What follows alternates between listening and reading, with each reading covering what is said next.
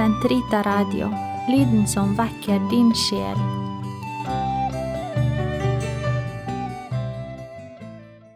Kroppens teologi, en kommentar til pave Johannes Paul 2.s onsdagskatekeser av Eirik Ambrosius Stenhoff. Totus tuus ego sum, et omnia mea tua sunt, archipio te in mea omnia, prebe mi cor tum Maria. Episode 3, tredje del av innledningen. Kroppens teologi. Bakgrunn, tekst og tilnærming. Del 1. Bakgrunnen. Fra humane vite til kroppens teologi. I forrige episode så vi nærmere på Karol Wojtyvas bakgrunn og intellektuelle inspirasjonskilder. I denne episoden vender vi igjen blikket mot onsdagskatekesen om kroppens teologi. I sin aller siste katekese trakk pave Johannes Paul 2. frem Paul 6.s rundskriv Humane Vite om fødselskontroll, som et tema som, sitat, går gjennom alle våre refleksjoner.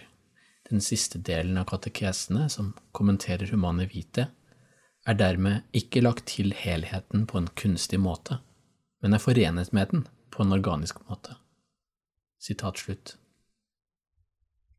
Humane Vite, la paven til, er med på å bestemme katekesenes struktur og metode. Dersom vi skal finne en tematisk kjerne og et umiddelbart utgangspunkt for onsdagskatekesene, viser altså pave Johannes Paul 2. selv til Humane Vite og dens prinsipielle avvisning av kunstige prevensjonsmidler. Dette var et tema som hadde opptatt paven i over 20 år før han begynte med katekesene. I 1960 utga Voitiva Kjærlighet og ansvar, Love and Responsibility på engelsk, som var et på mange vis banebrytende verk om betydningen av menneskelig seksualitet. Både på grunn av den filosofiske analysen han foretok, og fordi han gjorde det som katolsk biskop. I 1963 ble han utnevnt til en pavelig kommisjon bestående både av prester og legfolk, som skulle granske spørsmål om prevensjon, i lys av oppfinnelsen av p-pillen noen år i forveien. I 1967 ble en rapport fra et stort flertall i kommisjonen lekket til pressen. Flertallet mente at kunstig prevensjon måtte tillates for ektepar, med henvisning til behovet for en citat, rett formet samvittighet. Citat. Slik fødselskontroll bryter ikke med moralloven, mente flertallet, og argumenterte ut fra en viss forståelse av skapelsesteologien.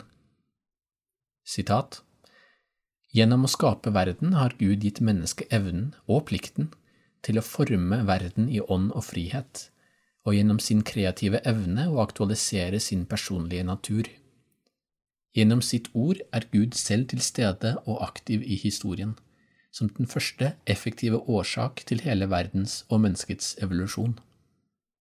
Menneskets enorme fremskritt mot kontroll av materien ved hjelp av tekniske midler bør samsvare på en mer fullkommen måte med de guddommelige befalinger. Sitat slutt. Kommisjonen argumenterte her i overveiende grad utilitaristisk. Ut fra en forståelse av mennesket som i stand til å aktualisere sin personlige natur gjennom tekniske hjelpemidler, ble det lett for flertallet å konkludere med at kunstig prevensjon ikke bryter fundamentalt med seksualitetens iboende formål. De viste til Gud som den første effektive årsak, et begrep fra den aristotelisk-tomistiske filosofi. Og en effektiv årsak betyr det prinsipp som setter i gang en bevegelse, en prosess. Men dermed indikerer flertallet at Gud først og fremst er makt og vilje, og ikke den som for eksempel har gitt tingene en form, en mening som tingene selv er i stand til å realisere gjennom å føye seg etter Guds plan, en formal årsak, som man snakker om. En slik argumentasjon som de gjør for kunstig prevensjon, som er en inngripen i naturlig prosess, forutsetter, som vi skal se, at man allerede har separert seksualakten fra en iboende prokreativ betydning. I juli 1968, midt i den kulturelle og seksuelle revolusjonen som herjet den vestlige verden, kom endelig pavens svar på problemstillingen, i form av rundskrivet Humane Vite, Humane Vitae avviste kommisjonsflertallets vurdering og etterlyste en mer citat, helhetlig visjon av mennesket. Sitat slutt. Nytt sitat.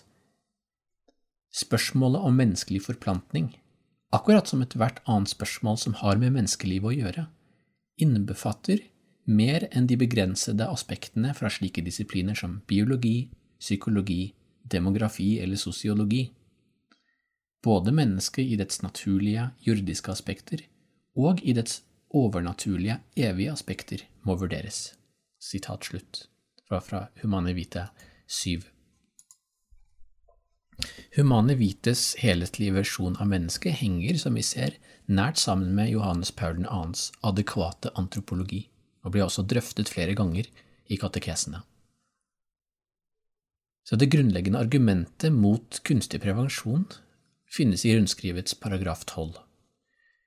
Gud har etablert en sitat uoppløselig forbindelse mellom den unitive betydning og den prokreative betydning, og begge er de iboende i den ekteskapelige akten. Sitat slutt fra Humane Vite 12. Så disse to betydningene ved seksualakten, fortsetter rundskrivet, må fastholdes samtidig for at ekteskapet virkelig skal være rettet mot gjensidig kjærlighet og mot det ansvarlige foreldreskap som mennesket er kalt til. Og dette argumentet har et viktig bakteppe i konsildokumentet Gaudium et spes fra 1965, som gitt et helt kapittel til ekteskapet og familien.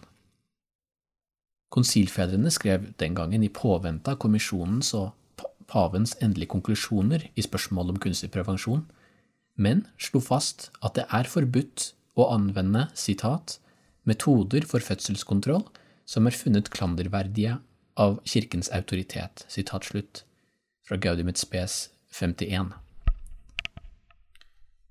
Gaudium et spes slo fast at slike metoder eh, må vurderes ut fra såkalt objektive kriterier, og ikke bare gode intensjoner og motiver og disse kriteriene, sitat, bevarer den fulle betydning av den gjensidige gave som ektefellene gir hverandre, og menneskelig forplantning, i en sammenheng der sann kjærlighet råder. Sitat slutt. Argumentet i Humane Vite for en uoppløselig sammenheng mellom seksualaktens to betydninger er, som vi vet, i ettertid blitt kritisert for å være såkalt biologistisk og, og lene seg i for stor grad på naturrettslig argumentasjon. Og står ikke en slik oppfatning av menneskets natur ja, i fare for å redusere naturen til biologi, som er nettopp det som Johannes Paul 2. advarer mot? Her kan det være verdt å se nærmere på et sentralt konsept fra hans bok Kjærlighet og ansvar fra 1960, som øvet en indirekte innflytelse på Humane Vita gjennom Wojtylas deltakelse i kommisjonen. For Wojtyla var det han kalte den personalistiske norm bestemmende for seksualetikken og egentlig all etikk, for den springer ut av det vesentligste budet, budet om å elske ens neste. Som vi så i episode 1, del 3, avviste Wojtyla utilitaristisk etikk fordi den ikke tar høyde for det sant gode for mennesket. Bonum onestum. Den personalistiske norm er, som han skriver i Kjærlighet og ansvar, en indirekte avvisning av utilitarismens overgripende norm om å gjøre mest mulig godt for flest mulig. Han definerer den personalistiske norm slik Sitat, Personen selv er et gode som ikke er forenlig med å bruke, som ikke kan behandles som en gjenstand for andres bruk, og i denne forstand som et middel til et mål. Sitat slutt. Som man kan se, er denne normen inspirert av Immanuel Kants kategoriske imperativ, som tilsier at intet menneske skal brukes som et middel til å oppnå et mål, men alltid som et mål i seg selv. For Voityba var nettopp seksualiteten et sted hvor slik bruk finner sted, om ikke både den prokreative og unitive betydningen av seksualakten bevares. Dersom man, kunstig, dersom man bruker kunstig prevensjon, kan man si, bryter man ikke bare med den iboende betydningen av seksualakten, altså den objektive dimensjonen, men personens verdighet. Et viktig intellektuelt premiss som Voityva her forsøker å komme til rette med, er det moderne skillet mellom person og natur, som på mange vis begynte med Descartes, og som videreføres av Kant, og der skiller Kants og Voityvas veier. Så hva betyr det? Den personalistiske norm er nettopp forankret både i personen og i naturen. I personen og i subjektet og i den rasjonelle natur som personen er en deltaker i. Som vi så i episode to, er personen tradisjonelt definert som en individuell substans av en rasjonell natur. Så her er det avgjørende poenget. Naturbegrepet som Voityva og Humane Vite opererer med, er ikke natur bare i en biologisk forstand, men egentlig først og fremst i en metafysisk forstand, selv om vi her selvsagt også snakker om biologiske funksjoner og prosesser som kan forklares biologisk. I kjærlighet og ansvar skiller Wojtyva mellom den biologiske orden og den naturlige orden. Den naturlige orden, skriver han, har å gjøre med vår eksistens og vår tilblivelse og omfatter derfor også prokreasjon, definert som vår deltakelse i Guds egen skaperakt. Og det er ikke tilfeldig at vi i dag stadig oftest, oftere snakker om reproduksjon. Det innebærer at man nettopp har redusert prokreasjon til sin biologiske funksjon. Så på bakgrunn av dette kan vi si at det ikke er humane hvite, men rundskrivets kritikere som selv opererer med et reduksjonistisk syn på naturen. Å kritisere seksualitetens iboende betydning for å være biologistisk innebærer at man selv har et dualistisk syn på naturen som atskilt fra menneskelige intensjoner, og som noe som vi kan selv gi den meningen vi ønsker, eller, som flertallet i kommisjonen skrev, eh, selv anvende teknikk på for å oppnå et bestemt mål. Men for Voityva er kroppen nettopp ikke bare, eller ikke engang først og fremst, en organisme. Mennesket er først og fremst et åndelig vesen, og derfor gis kroppen sin iboende mening, kan vi si gjennom sin enhet med menneskets egen sjel. Å snakke om den biologiske ordenen er jo egentlig bare en menneskelig konstruksjon, nettopp fordi det er å løsrive kroppen fra den meningen den er skapt med fra Guds side, i den naturlige orden. Vi skal komme tilbake til dette. Alle disse premissene ligger til grunn for kroppens teologi, og de bestemte, som vi har sett, pavens metode helt fra begynnelsen av, og de vil bli utbrodert i kommentarene til katekesene på en mer systematisk måte. I neste del av denne episoden skal jeg gi en kort oppsummering av selve argumentet i onsdagskatekesene, og gi en oversikt over innholdet. Denne delen kan også tjene som en kortversjon av kroppens teologi som man kan bruke som referanse senere. Del 2 Teksten Onsdagskatekesenes form og innhold Den 5. september 1979, under et år etter at han ble valgt til pave, begynte Johannes Paul 2. den omfattende katekeseserien om kroppens teologi. Serien skulle vare helt til november 1984, med et halvt års avbrudd etter drapsforsøket på Petersplassen mai 1981, og et drøyt års pause under helligåret fra april 1983 til mai 1984. Manuskriptet var opprinnelig skrevet på polsk, men ble oversatt til italiensk etter pavevalget. Det er den italienske teksten som er autoritativ, og som danner utgangspunktet også for denne kommentaren. Men den engelske oversettelsen ved Michael Waldstein utgitt som Man and Woman He Created Them, A Theology of the Body i 2006, ligger nær grunnteksten og har en god flyt, og anbefales for den som vil følge disse kommentarene med å selv lese katekesene.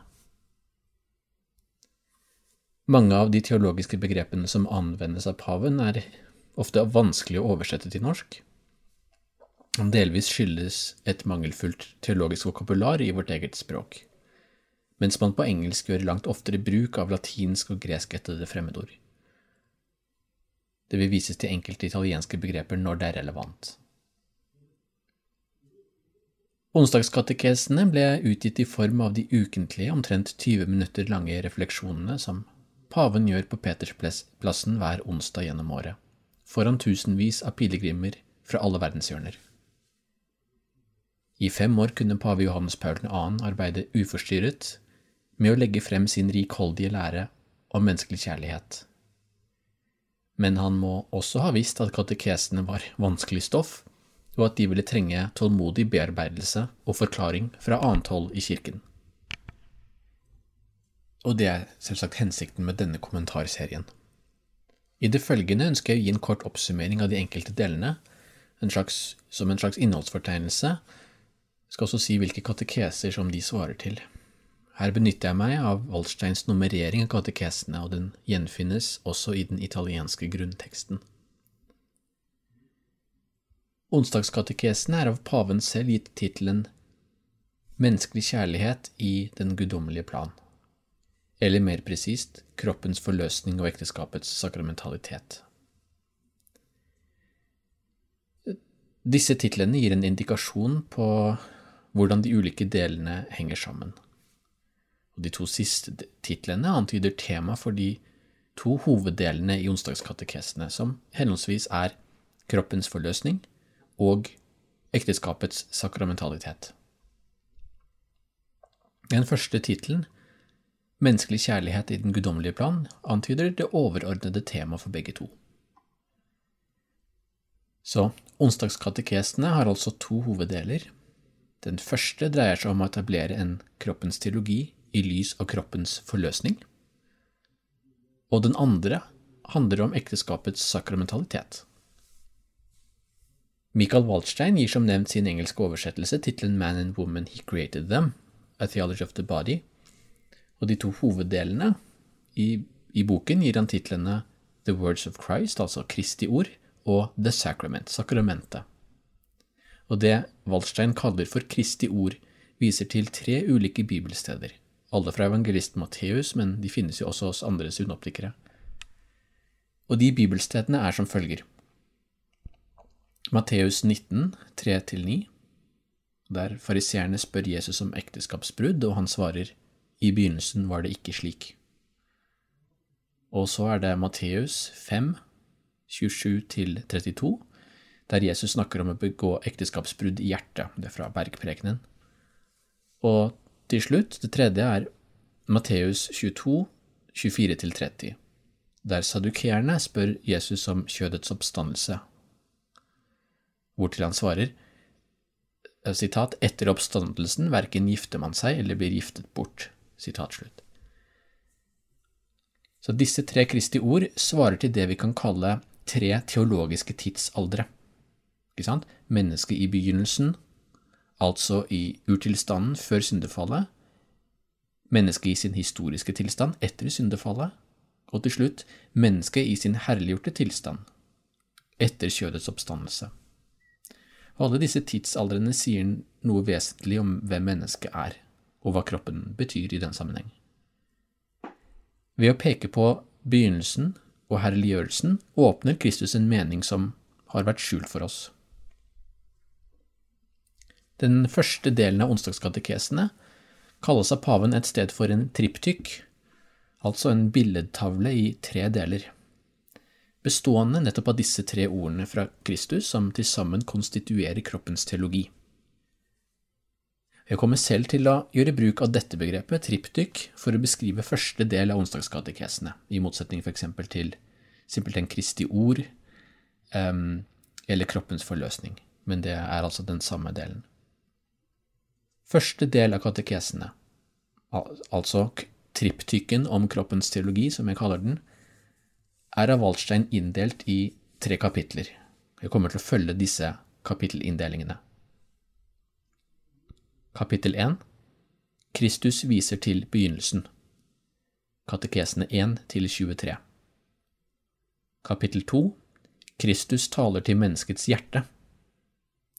Og det er katekesene 24–63 Og kapittel 3 Kristus viser til oppstandelsen, katekesene 64–86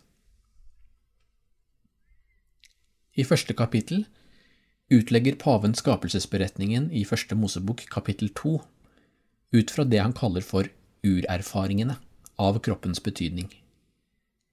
Disse tre ur- eller opprinnelige erfaringene kaller han videre for opprinnelig ensomhet, opprinnelig enhet og opprinnelig nakenhet. Og Hver av disse er vanskelig å oversette til norsk, og jeg skal komme nærmere tilbake til hvordan de skal forstås i detalj. Ved å peke på disse erfaringene før syndefallet ønsker paven å peke på det vesentlige faktum at vi er skapt av og for Gud, altså opprinnelig ensomhet, og for hverandre, opprinnelig enhet og nakenhet.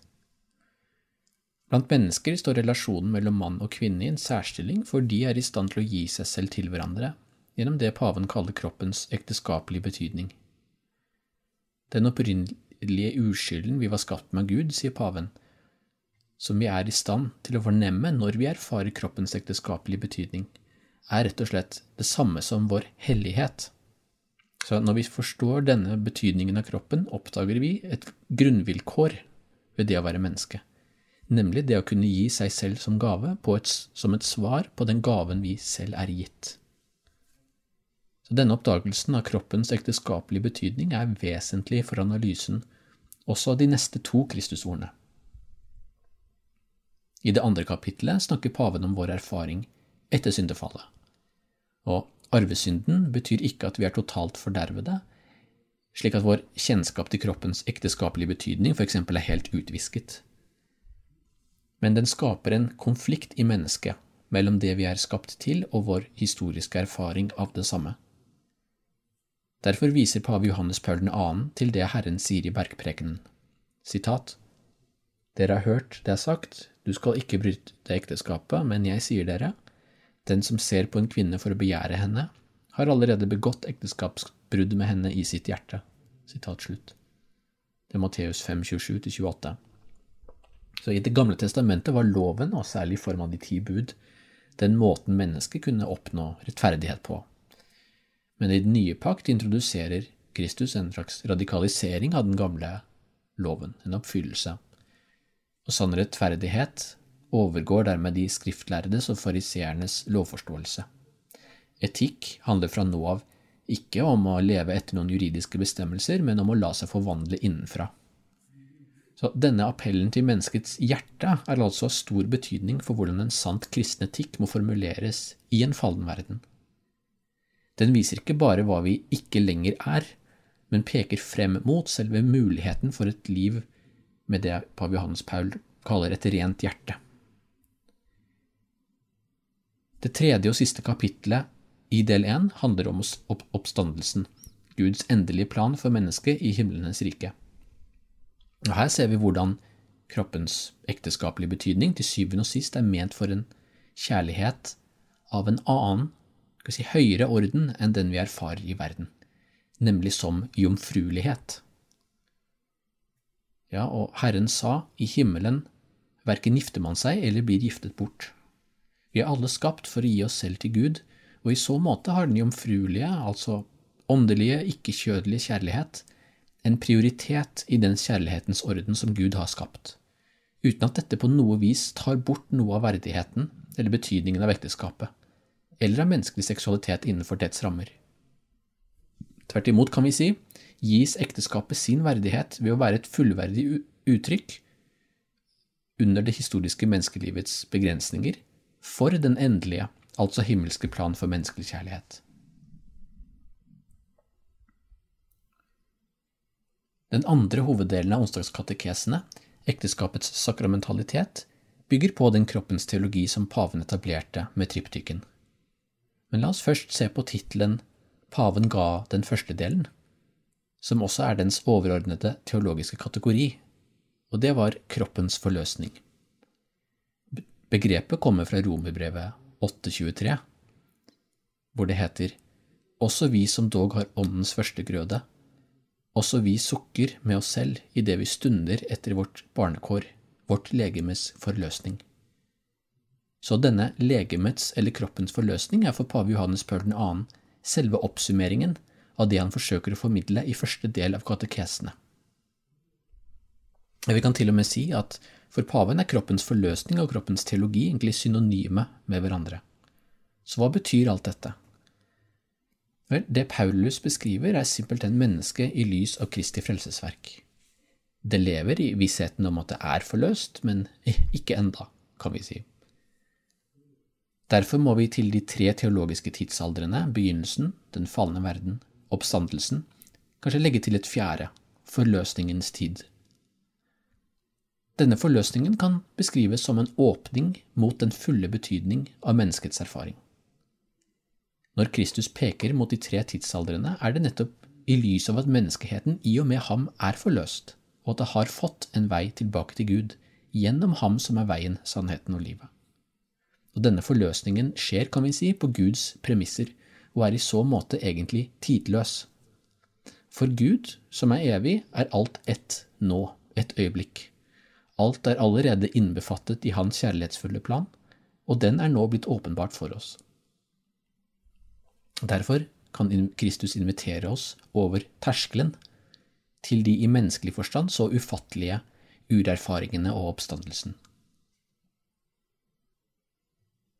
Annen del av katekesene er inndelt i tre kapitler. Kapittel 1 er en analyse av ekteskapsteologien i Efeserbrevet 5. Det er katekesene 87 til 102. Kapittel 2 Johannes Paul 2.s kreative utbrodering av kroppens språk, og han gjør bruk av Salomos høysang og tobit. Det er katekesene 103 til 117. Og til slutt, kapittel 3, er en pastoralt orientert drøfting av en ekteskapelig spiritualitet i lys av humane hvite. Katekesene 118 til 133. Del to eh, av onsdagskatekesen er langt kortere enn del én. Første kapittel her knytter Efeserbrevets beskrivelse av det store mysteriet, ekteskapet, med skapelsesberetningen. Ekteskapet er av Johannes Paul 2. forstått som et ursakrament. Som han skriver, er ekteskapet, sitat, et tegn som på en virkningsfull måte formidler i den synlige verden det usynlige mysterium som er skjult i Gud fra evighet av. Sitat slutt. Så det som gjør dette sakramentet mulig, er den ekteskapelige betydningen til kroppen, som urmennesket oppdaget, kan vi si, i Edens hage. På den måten ser vi hvordan kroppens teologi åpner opp for perspektivene på ekteskap og familie. Paven utbroderer også hvordan ekteskapet kan forstås som en analogi, altså en likhet innenfor en større forskjell, med forholdet mellom Kristus og kirken, og dette forstås selvsagt i kontinuitet med den gamle pakten mellom Gud og Israel. Det andre kapitlet, om kroppens språk, viderefører dette og viser hvordan kroppens iboende ekteskapelige mening uttrykkes gjennom kroppen forstått som et tegn. Nettopp fordi kroppen ikke bare er død materie, men allerede meningsfull, må vi lære stadig på ny å lese og forstå dens grunnleggende tegnkarakter, og ikke minst i forbindelse med ekteskapelig kjærlighet. Og det fører oss til tredje kapittel, som er en pastoral anvendelse, kan vi si, av det forrige kapitlet, ut fra kirkens lære om seksualaktens ubrytelige, unitive og prokreative karakter i humane vite. Som paven skriver, handler en sann etterlevelse av de tilsynelatende umulige kravene humane vite ikke minst om å lære å citat, lese kroppens språk i sannheten. Sitat slutt. I den tredje og siste delen av denne episoden vil jeg si noe om hvordan vi bør gå frem for å lese dette verket. Jeg vil underveis vise til ulike presentasjoner av kroppens teologi av andre forfattere. Med fjerde episode begynner så kommentaren til de første syv katekesene om menneskets urerfaringer. Del tre Tilnærmingen Hvordan bør vi lese katekesene? I de over 40 år siden pave Johannes Paul 2. begynte sine onsdagskatekeser, har kroppens teologi gradvis blitt bedre kjent i den katolske kirke og i økende grad også i andre kristne kirkesamfunn. Mange har funnet veien til pavens teologi gjennom populære formidlere. Mottagelsen av katekesene har naturlig nok vært både positiv og negativ. Fordi kroppens teologi, i likhet med humane vite, er et motsetningstegn, vil den vekke ulike reaksjoner, både i en kultur som er blitt avkristnet i høy fart, og i kristne sammenhenger, der man i større eller mindre grad har kapitulert overfor noen av grunnpremissene i den seksuelle revolusjon. Særlig i USA har katekesene fått stor oppmerksomhet. Den som kanskje har gjort mest for å popularisere kroppens teologi, Christopher West, har i likhet med undertegnede sin bakgrunn fra John Paul II Institute i Washington DC. Hans Theology of the Body Institute i Pennsylvania tiltrekker seg mange studenter og retrettdeltakere hvert år. Så hva er grunnen til at kroppens teologi er blitt så populær i USA? Den amerikanske kulturens bakgrunn i puritansk kristendom kan forklare noe av dette bildet. Den puritanske kristendomsformen var generelt negativt innstilt til seksualitet og kroppslighet og begjær. Formen den seksuelle revolusjonen på 1960-tallet tok i USA, kan delvis ses som en reaksjon på dette.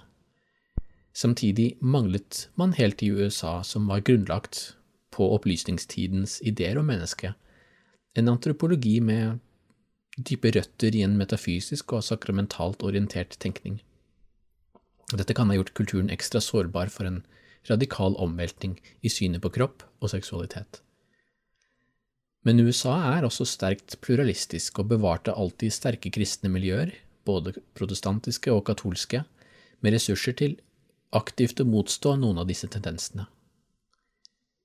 Kroppens teologi er i amerikansk katolsk sammenheng ofte blitt en integrert del av det Johannes Paul 2. kalte for den nye evangeliseringen, altså en re-evangelisering av tidligere kristne kjerneområder i et raskt sekulariserende Vesten.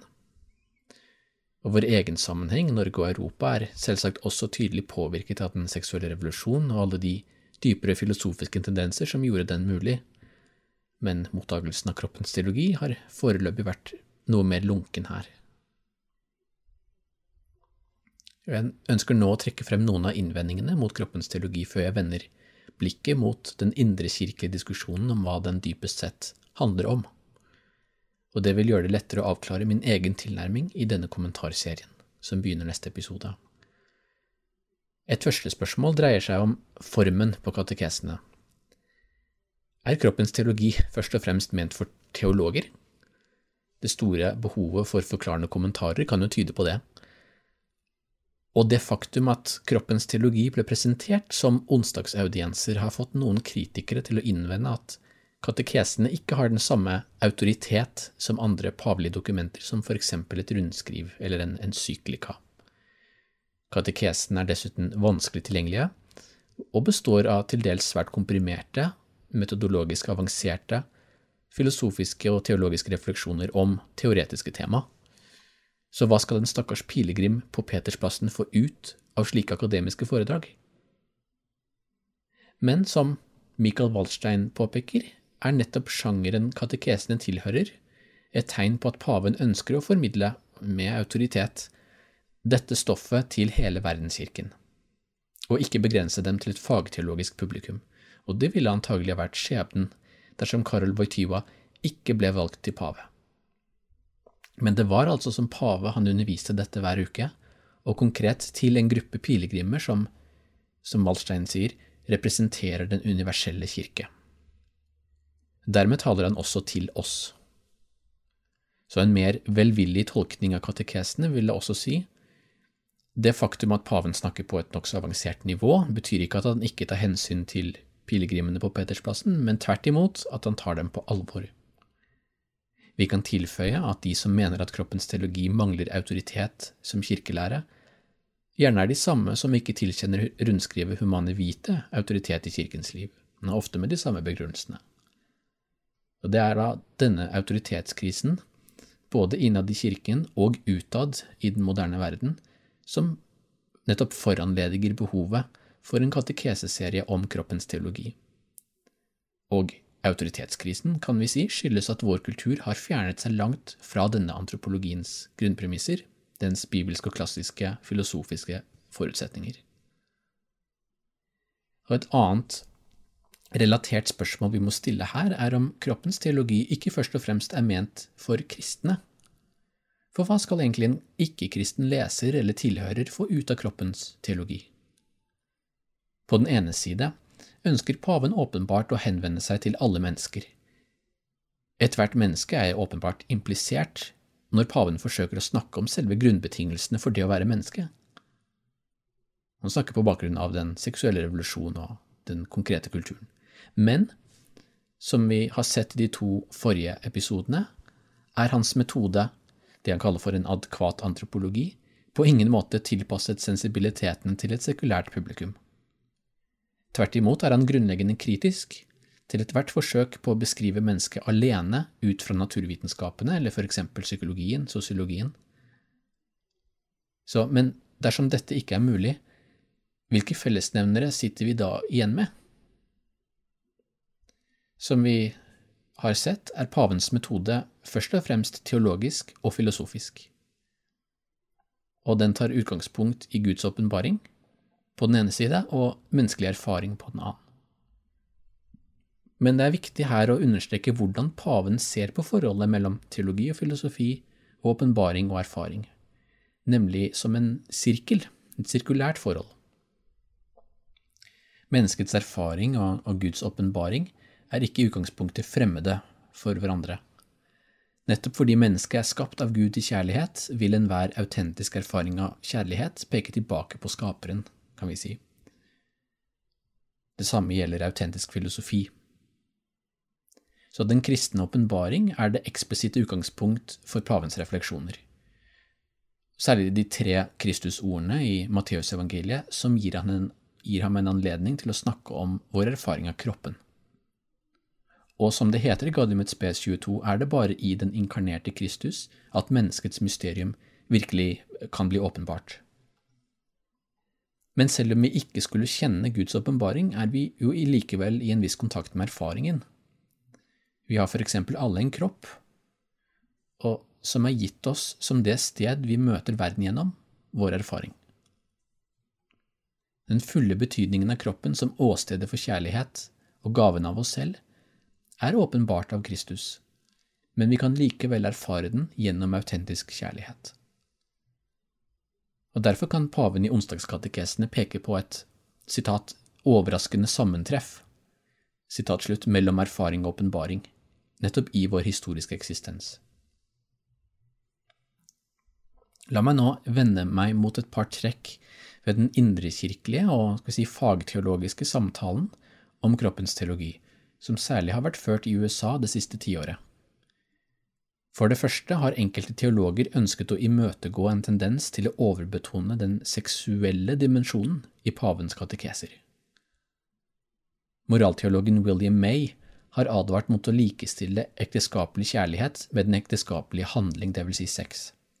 Han skriver, sitat, Den ekteskapelige handlingen uttrykker ekteskapelig kjærlighet på en unik og vakker måte, men den er på ingen måte et uttømmende uttrykk for denne kjærligheten. Den ekteskapelige handlingen er heller ikke den eneste måten, heller ikke seksuelt, som denne kjærligheten kan næres, uttrykkes og fordypes på. Sitat slutt. Så poenget er, seksualiteten er ikke noe autonomt, men hører til den ekteskapelige kjærligheten. Den er heller ikke det mest fullkomne uttrykket for kjærlighet. Poenget i kroppens teologi er jo snarere at den ekteskapelige seksualiteten er et uttrykk for et enda mer grunnleggende menneskelig vilkår, og at det er skapt av og for Gud. Det er dette kirkens tradisjon, som bekreftes i onsdagskatekesene, mener med at den jomfruelige, altså ikke-kjødelige, kjærlighet alltid har en prioritet over den ekteskapelige, jf. Eh, Matteus 22. Teologen David L. Schindler har uttrykt dette som følger. Sitat. Kroppen er i sin mest opprinnelige betydning skapt for Gud. Kroppen, kan vi si, bærer i seg en barnlig eller sønnlig relasjon til Gud. Som et barn, som en skapning, og dermed som et barn av Gud, bærer jeg i meg en grunnleggende relasjon til eller en skikkethet for Gud og bare som en følge av dette, om enn på samme tid, bærer jeg innenfor denne relasjonen en skikkethet for et annet menneske. Sitat slutt. Jeg skal komme tilbake til dette flere ganger, men disse poengene antyder at vi må lese kroppens teologi som noe mer enn bare en katolsk seksualetikk. Den handler ikke bare om sex, men etablerer en teologisk antropologi, relasjonen til Gud er det primære, men som derfor nødvendigvis berører alle aspekter ved menneskelivet, også ekteskap og seksualiteten, og setter den i sin rette ramme og verdighet. Som vi så i episode 1 del 3, bygger pave Johannes Paul 2. sin metode over den grunnleggende realitet at vi allerede er gitt til oss selv av Gud som en gave, og at vi besvarer den ved å gi oss selv som gave, tilbake til Gud og til vår neste i ekteskapelig kjærlighet og andre former for kjærlighet sekundært. Dette kaller paven for gavens hermenøytikk, altså en, en tolkningsnøkkel som lar oss forstå alle de relasjoner mellom mennesker og Gud som han beskriver. En viktig diskusjon eh, har funnet sted om hvordan vi skal forstå gavens betydning, i teologien generelt og kroppens teologi spesielt. Den har ofte hatt et teknisk preg og er noe vanskelig tilgjengelig, men grunnproblemet kan beskrives som følger. Er det å være en gave en iboende del av det å være skapt, eller er det først og fremst en slags metafor som kan tjene til å belyse enkelte deler av vår tenkning og erfaring? Med andre ord, skal gaven forstås ontologisk, som en betingelse for væren, eller ikke? En avklaring av dette problemet vil ha stor betydning for hvordan vi forstår gavens hermenøytikk, og dermed potensielt hele Johannes Paul 2.s bidrag i kroppens teologi. Men En måte å forklare dette på er ved å vise til et klassisk begrep fra skolastikken. Agere sequitur esse. Handling følger væren. Så innvendingen fra mange av de tomistiske leserne av kroppens teologi, altså de som følger filosofien til St. Thomas Aquinas, er at gaven ikke kan være en iboende eller en intrinsisk del av esset. Det faktum at noe eksisterer, er det grunnleggende vilkåret for alle ting, at det har væren, esse. Men dersom gaven er på et vis en del av dette grunnvilkåret, vil det si at mennesket også er relasjon på en måte som er iboende, at hver person alltid og allerede står i en gaverelasjon, i stedet for å være konstituert først og fremst som en substans.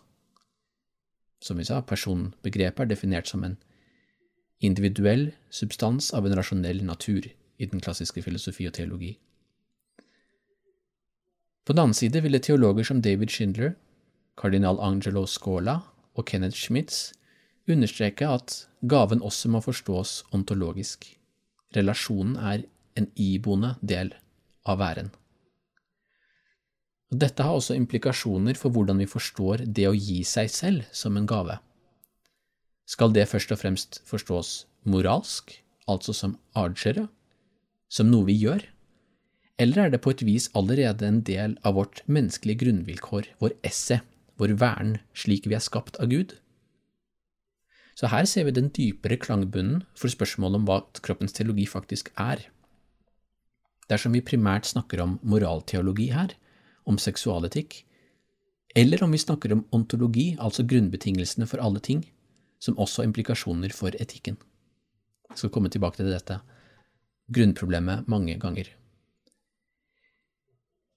Jeg er selv av den oppfatning at onsdagskatekesene representerer noe mer enn seksualetikk. Mine kommentarer tar utgangspunkt i det jeg oppfatter som pavens grunnleggende intensjon, å gi en så grundig og adekvat fremstilling av mennesket som mulig, og vise dets storhet og dets sanne plass i Guds kjærlighetsfulle plan. Jeg håper å vise at dette er en teologisk ressurs med et enormt potensial og langt utover mine egne evner og tidsrammer, til å virkelig endre og fordype vår, din, tenkning om ethvert aspekt ved menneskelivet. Jeg kommer til å følge katekesene kronologisk. Hver episode vil ta for seg noen katekeser og kommentere dem i detalj. Det anbefales å følge kommentarserien med å lese katekesene ved siden av, men det er ikke strengt nødvendig. Noen av episodene vil være viet en teologisk og filosofisk fordypning i materialet som er blitt gjennomgått. Disse fordypningene gjør i større grad bruk av avansert terminologi og vil kreve mer av leseren, eller lytteren, men er like fullt ment å supplere helheten. I den neste episoden begynner jeg med første del av triptyken om kroppens teologi. Hele episoden vil ta for seg de første syv katekesene og menneskets opprinnelige ensomhet. Gloria patri et filio et spiritui sancto, sicut erat in principio et nunc et semper, et in saecula saeculorum. Amen.